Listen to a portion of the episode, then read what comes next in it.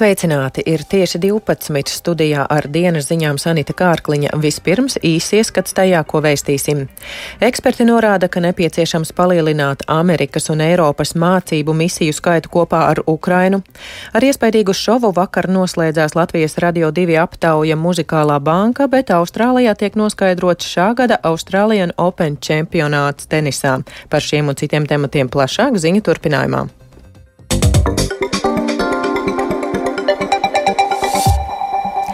Ir nepieciešams palielināt Amerikas un Eiropas mācību misiju skaitu kopā ar Ukrainu, tā norādījis laikraksts The New York Times. Vašingtonas sākotnējā vilcināšanās šajā jautājumā daļēji bija saistīta ar bažām, ka jau tagad pieredzējušajiem ukraiņu karavīriem kaujas lauks būtu jāatstāj jauno apmācību dēļ. Bažas radīja arī tas, ka ASV veiktās Ukrainas militāra personu apmācības Kremlis varētu uzskatīt par provokāciju, tālēš laikraksts. Vai rakstās te Rustams Šukūrovs.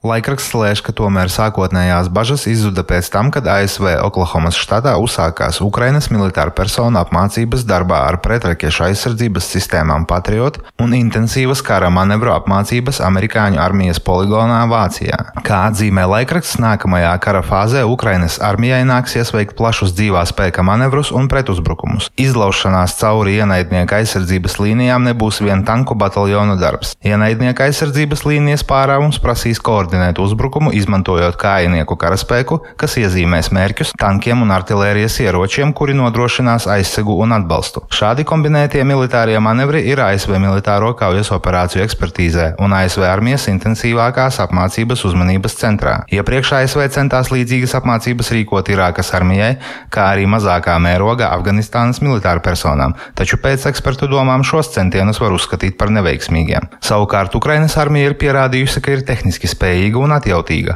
un tās kareivi ir pierādījuši, ka ir ārkārtīgi motivēti gūt jaunas taktiskās zināšanas un mācīties izmantot jaunu aprīkojumu. Tikmēr Karaliskā apvienoto pakalpojumu institūta zinātniskais līdzstrādnieks Aleksandrs Daņļuks savā intervijā Radio NV teicis, ka Krievija februārī gatavojas sākt jaunu plaša mēroga ofensīvu Ukrainā. Daņļuks pieļāvis, ka plaša mēroga ofensīva varētu uzsākties jau jaunedēļ. Viņš norādīja, ka apmācības līmeņa ziņā uzbrukošās Krievijas armijas vienības būs vājākas par tām, kuras 2022. gada 24. februārī iebruka Ukrainā. Vienlaicīgi tām būs kvantitatīvā priekšrocība, kuras nebija pagājušajā gadā, uzsver Deņļuks. Я хочу, щоб ми були дуже čitko свідомі того, що es gribu, lai mums būtu skaidrs tas, ka Krievi viennozīmīgi plāno februārī uzsākt ofensīvu. Varbūt jau nākošnedēļ tas sāksies. Ja neuzsāksies, tas nozīmēs, ka Krieviem ir plānošanas un izpildījuma problēmas.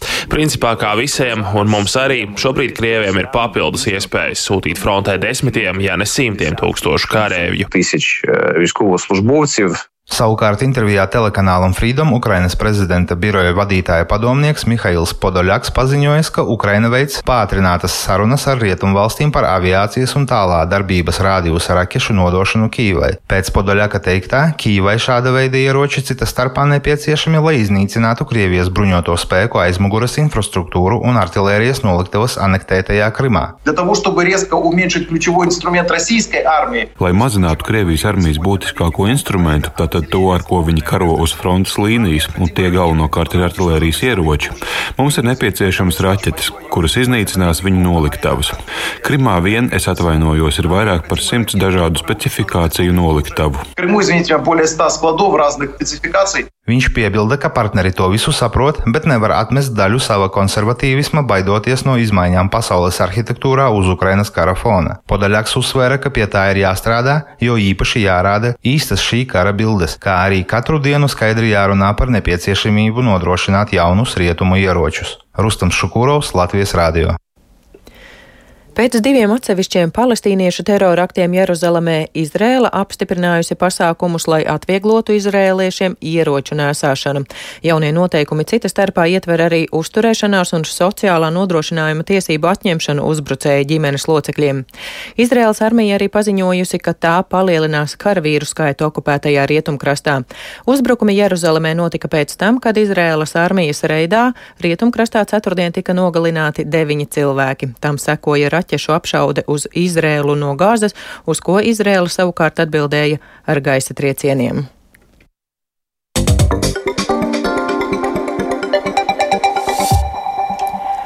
Latvijas politiski represēto apvienības valde pauž asu nosodījumu 14. saimas deputātes Glorijas Greucevas no partijas stabilitātei paustajam viedoklim par Latvijas okupācijas muzeju un tā ekspozīciju.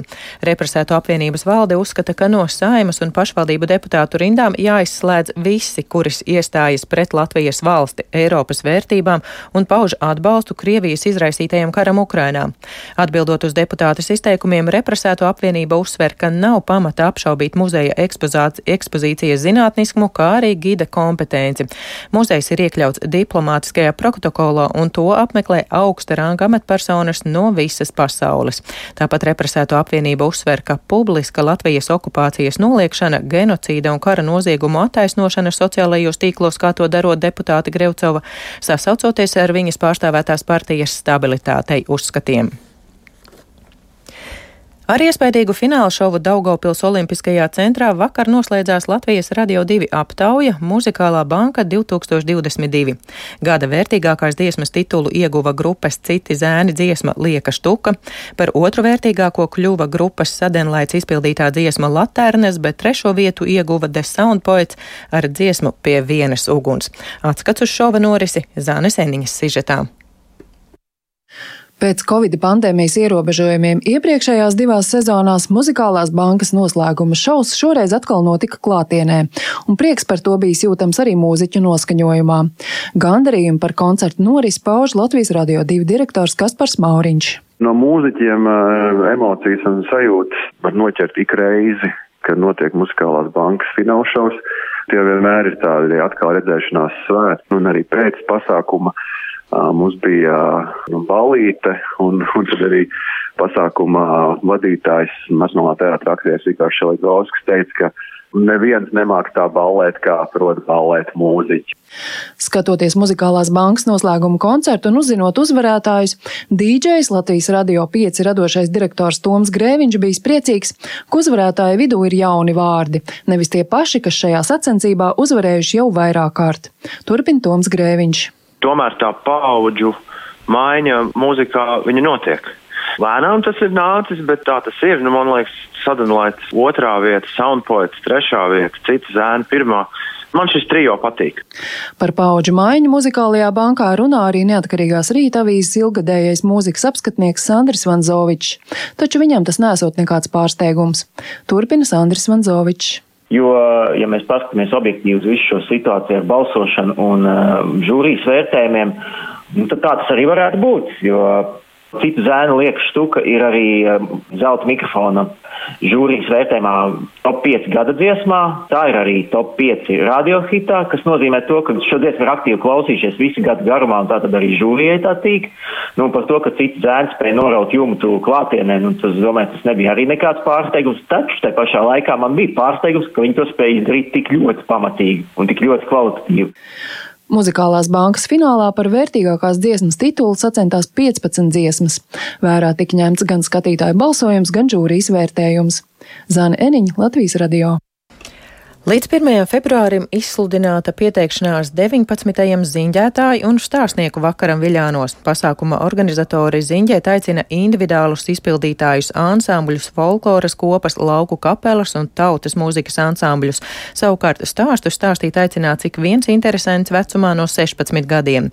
Pasākums notiks 11. februārī Viļānu kultūras namā un organizatoru pieredze liecina, ka dalībnieku interese par pasākumu esot ļoti liela. Turpina Viļānu kultūras kultūras nama vadītāja Margarita Cakula.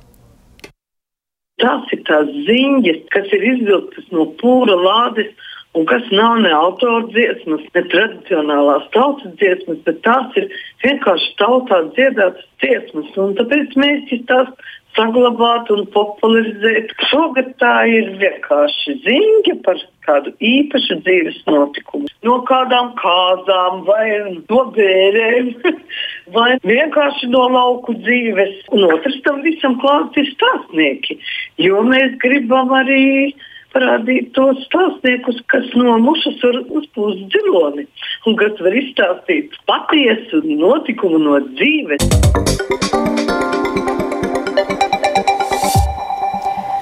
Turpinām par jaunāko sportā. Svētdienas rītā sporta pasaules uzmanība pievērsta tālajai Austrālijai. Tur tiek noskaidrots šā gada Austrālijan Open čempions tenisā. Tāpat šodien turpināsies pasaules čempionāti kamaniņu sportā un bobslejā, bet par visiem svarīgākajiem rezultātiem un notikumiem vairāk mūs informē Māris Bergs. Sveiks! Sveika, Sanita, sveicināti klausītāji. Jā, šobrīd Melburnā risinās vīriešu vienspēļu fināls Austrālijā Open. Tajā Novāks Džokovičs cīnās ar Stefanu Cicipu. Džokoviča kontā mums jau ir deviņi Austrālijā Open tituli, bet Cicips pagaidām nav uzvarējis nevienā Grand Slam turnīrā. Pirmajā setā uzvarēja Džokovičs, bet tagad klāt izšķirošie notikumi otrajā setā. Austrālijā Open finālu translē televīzijas kanāls Eurosport. Uh, Latvijas čempionu vienība futbolā Valmiera šo pēcpusdienu aizvadīs Livonijas kausa maču pret Tallinas Flora. Šajā mačā tiekas Latvijas un Igaunijas augstāko futbola līgu čempioni, un Livonijas kausa tiks izcīnīts pirmoreiz piecu gadu laikā. Tieši Tallinas Flora uzvarējusi pēdējos divos Livonijas kausa mačos 2011. un 2018. gadā. Latvijas čempionu Valmieras galvenais treneris Jurģis Kalns sarunā ar Latvijas radio uzsvēra, ka viņš un komanda šo maču bez jebkādām šādām šaubām uztver kā pārbaudas spēli, un valmierieši veiks visas iespējamās spēlētāju mājas. Klausāmies Valmieras galveno treneri Jurģi Kalnu. Tomēr vairāk izskatām kā pārbaudas maču, protams, trofeja ir trofeja, bet uh, neiespringsim uh, uz šo spēli principā vispār, jo viņš, viņš ir sagatavošanās posmu mūsu pašā sākumā. Protams, ja tā spēle iespējams būtu vasarā kaut kādā pauzē, tad uh, tam Livānijas kausam tas piedod tādu mazliet lielāku odziņu, teiksim tā, bet šobrīd no mūsu puses tas ir sagatavošanās posms. Livonijas kausa spēle Tallinā sāksies pustrijos pēcpusdienā. Nacionālajā hokeja līgā Zemgus Girgensons šorīt pārtrauca ielgušo sauso sēriju un viņš izcēlās ar vārtu guvumu, savukārt Buffalo Sabres pēc spēles metienos ar 2-3 zaudēja Minnesotas Wild. Girgensons bez punktiem bija palicis iepriekšējās 12 spēles. Kolumbusas Bluejackets vārtos šorīt atgriezās Elvis Meržļikins, bet Bluejackets izbraukumā ar 1-3 zaudēja Sietlas Kraken. Meržļikins atvairīja 28 no 31 pretinieku metiena. Vācijas trasē Oberhofā šodien turpinās pasaules čempionāts kamaniņu sportā un ir noslēdzies pirmais brauciens vīriešu vierniekos. Labākais no Latvijas sportistiem ir Kristers Aparjots, kurš šobrīd ieņem sasto vietu. Gins Bērziņš ir 11. bet jaunais talants Kaspars Rings 17. vietā. Tagad vīriem priekšā otrais brauciens, bet bez 20 minūtēm trijos pēcpusdienā notiks komandu stafete. Kamanas tiešraidē translē TV6. Sankt Mauricas trasē Šveicē vakar sākās pasaules čempionāts bobslejā. Pēc pirmās dienas divniekiem Emīls Cipulis kopā ar Matīsu Mikni ir sastajā vietā, taču viņiem šodien vairāk jādomā par pozīcijas sargāšanu nekā konkurentu ķeršanu. Jākaps Kalenda ar stūmēju Dāvis Prīņģi šobrīd ieņem 16. vietu. Trešais brauciens bobslejā šodien plānots pusčetros pēcpusdienā, bet sporta apskatā man šobrīd tas ir viss. Paldies, dzirdējām Māri Bērgu, viņš mūs informēja par jaunāko sporta pasaulē.